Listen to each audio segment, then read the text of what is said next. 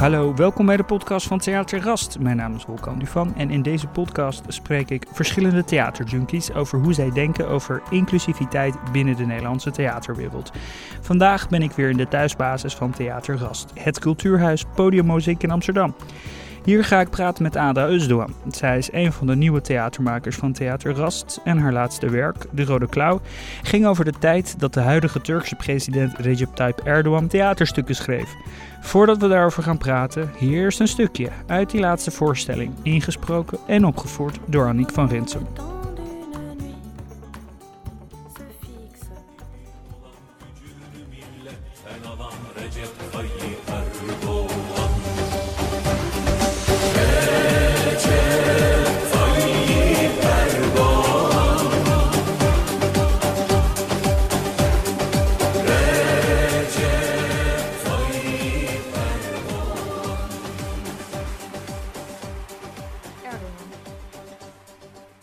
Een voorstelling over mij. Zo eerlijk, zo rauw, dat niemand nog zou kunnen twijfelen over wie ik ben, over wie Erdogan is. Verpakt in een verhaal zo krachtig, zo puur, dat mensen hun shit gaan verliezen. En de rust zal terugkeren. De waarheid en niks dan de waarheid. Sumeye. Wat ook de reden is dat we hier spelen. Erdogan. In Turkije kan je toch niet helemaal eerlijk zijn over Erdogan. Sumeye. Een vriend van papa heeft een keer een stuk over hem gemaakt en die zit nu in de gevangenis. Erdogan. So sad, maar de wet is de wet. David. Meh.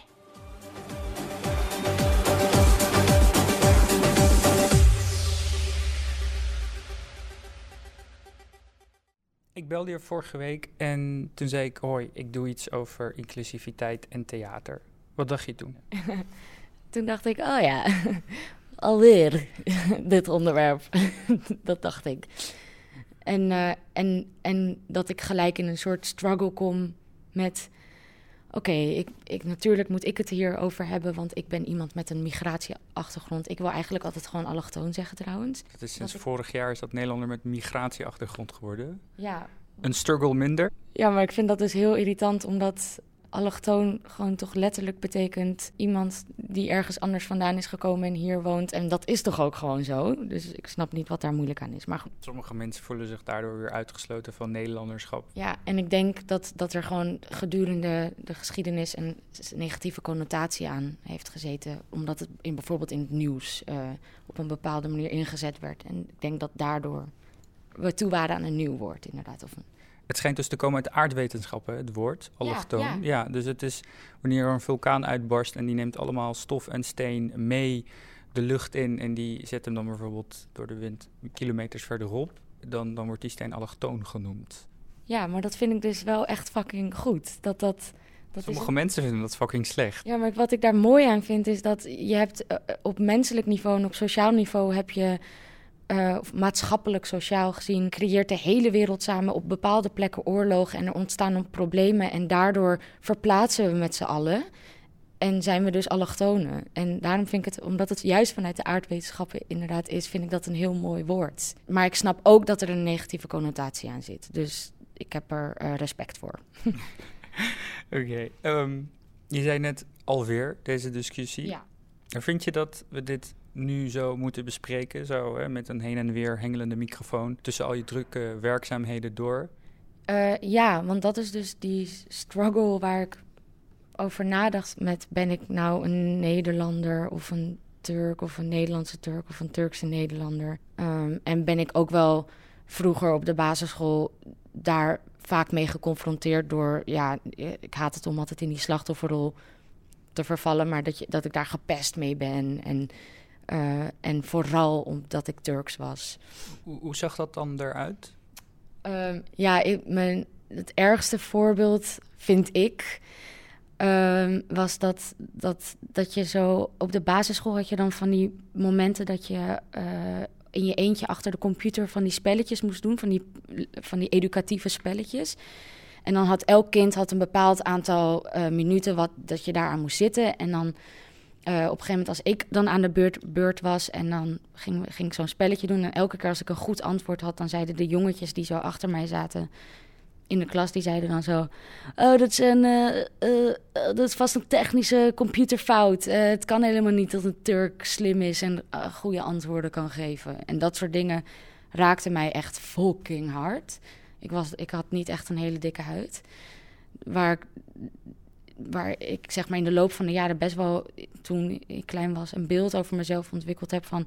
Oh, ik ben, ik ben dommer omdat ik niet van Nederlandse afkomst ben.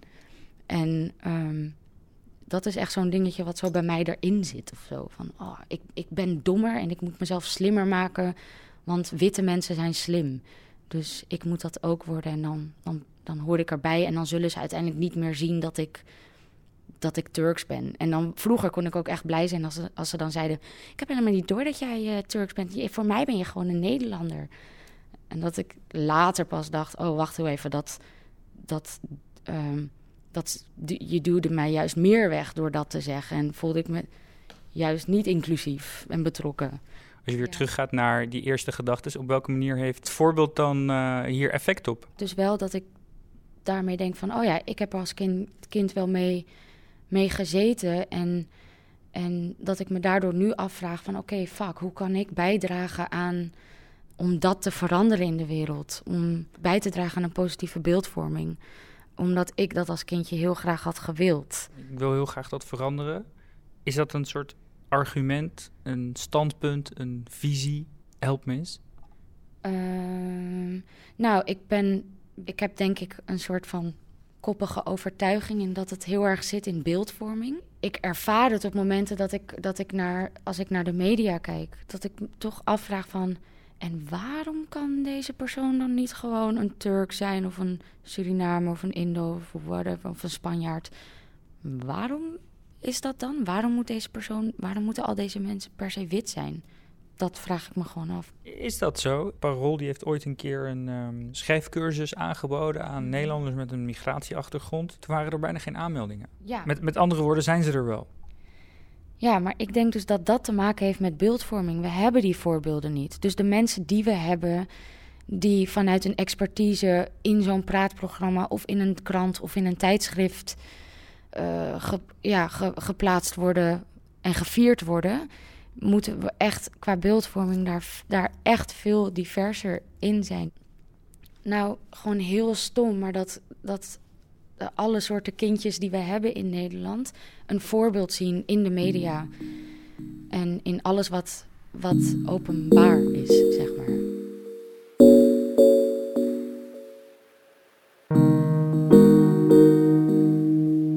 maakt toneelvoorstellingen. denk je hier dan wel eens aan, zeg maar, als je aan het werk bent? Uh, ja, ik denk er eigenlijk wel de hele tijd aan. Uh, wat is de hele tijd? Um, ik ben super alert op, op uh, als ik een voorstelling maak of het niet racist is, of er niet iets gezegd wordt wat uh, toch verkeerd opgevat kan worden. En dat ik niet een, een bepaalde uh, minority buitensluit. Um, ja, dat, dat, dat het inclusief is. Bijvoorbeeld dat als ik een aanvraag schrijf, maar ik hoor nu alweer heel veel mensen die hier kritiek op gaan geven wat ik nu ga zeggen. Maar dat ik daar wel echt. Uh, nou, het is jouw overtuiging. Hè? Dus het, ja, maar ja. Het, ja, maar het klinkt ergens ook heel dom. Maar in ieder geval dat ik wel heb, dat ik dacht van ja, kut, ik wil een voorstelling maken. En maar moet dat dan over. Uh, moet, dat, heeft, moet dat dan te maken hebben met mijn migratieachtergrond? En um, is dat niet ook waar waar het geld naartoe gaat, juist omdat het nu ook um, een hot topic is. Uh, wat bedoel je daarmee? Dat je dan uh, je achtergrond inzet tijdens het. dat je denkt: hé, hey, ik ga iets over Erdogan schrijven, want dat heeft meer succes op slagen? Bedoel je dat? Ja, omdat, omdat uh, het is dan exotisch en het is iemand die echt van Turkse afkomst is, die iets over een, een Turkse dictator gaat vertellen. En dat dat gewoon heel aantrekkelijk klinkt, maar ik wil daar wel gelijk mezelf even bekritiseren. Dat dat dus ook echt mijn opportunisme is geweest. Van oh ja, daar zal vast het geld naartoe gaan. Dus laat ik dat ook gaan inzetten. En dat heb ik dus eh, juist heel erg laten zien, ook in de Rode Klauw was dat belangrijk voor mij van... We kunnen wel de hele tijd voorstellingen gaan maken over dat uh, de mensen met een migratieachtergrond tegen witte mensen gaan zeggen... en jullie zijn niet inclusief en niet divers en wij zijn uh, minorities. Maar ik vind het ook wel heel interessant van... hé, hey, wacht eens even. Want toen ik dus die aanvraag ging schrijven... dacht ik, hé, hey, ik ben nu best wel een mogol. Want ik ben... Oh, dat mag ik ook niet zeggen. Um, ik ben nu de sukkel eigenlijk. Want ik ben nu super opportunistisch... en daar heel erg op aan het inspelen... en uh, het aan het uitbuiten. En dat vond ik best wel vet. Dat ik dacht, hé, hey, wacht eens even, daar valt nog iets te halen wat, is, wat, wat, wat doe ik daar eigenlijk verkeerd in? Want ik vind het zo saai om het alleen maar, te, om het, om alleen maar in de positie te zitten van... wij zijn minorities en wij gaan jullie vertellen... Uh, dat, jullie, dat jullie het niet goed doen. Dat de witte mensen het niet goed doen. Want ik heb het idee dat dat het gesprek over white privilege en diversiteit en al die shit... dat dat uh, het psychologisch gezien en emotioneel gezien dat we elkaar blokkeren. komt dat dan goede, denk je, aan het stuk wat je maakt? Of schiet het door? Nee, nee uh, door op die manier te denken blokkeert het ook best wel vaak mijn creativiteit. Maar ik, toch vind ik dat ik er bewust in moet blijven.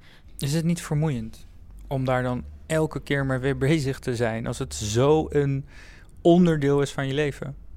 Ja, maar ik denk dus ook dat dat dat dat dus juist heel erg goed is. Want ik bedoel dus ook dat dat positief is. Want dat maakt het inclusief. En um, kleine details, die uh, zorgen ervoor... dus de kleine details van dat je, het er wel, dat je er wel continu bewust mee bent... die zorgen voor het inclusieve gevoel dat, je er, dat er op gelet is... en dat dus mensen met een migratieachtergrond zich erbij voelen horen en inclusief voelen. En...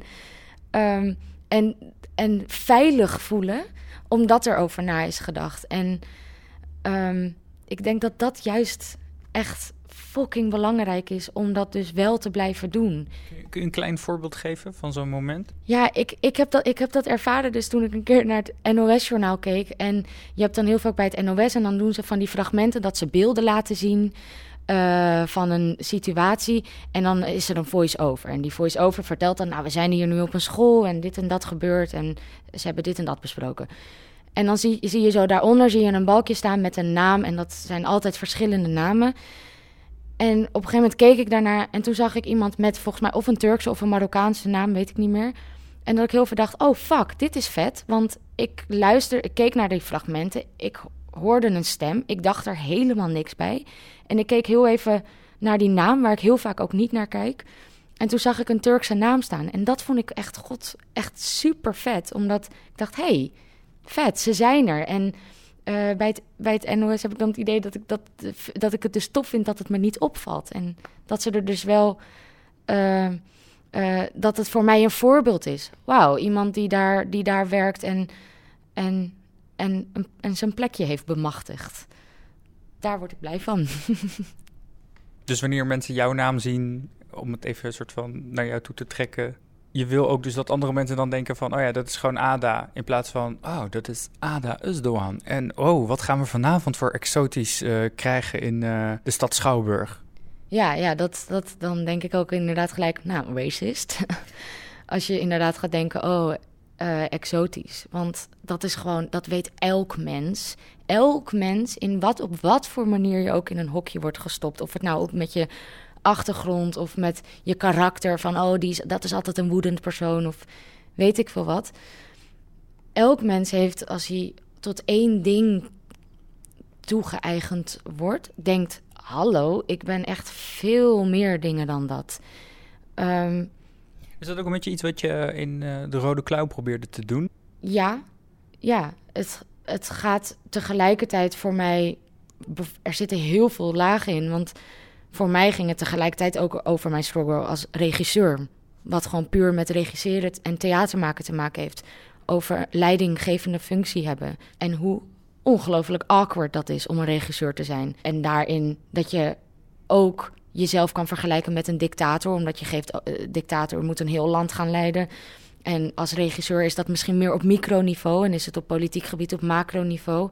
Dat soort parallellen wouden we ook allemaal leggen, wat niks te maken heeft met diversiteit en al die dingen, maar gewoon puur over machtsverhoudingen. En er zat ook een liefdesverhaal in, wat ook nul over uh, race en de norm en white privilege en weet ik veel, al die dingen gaat.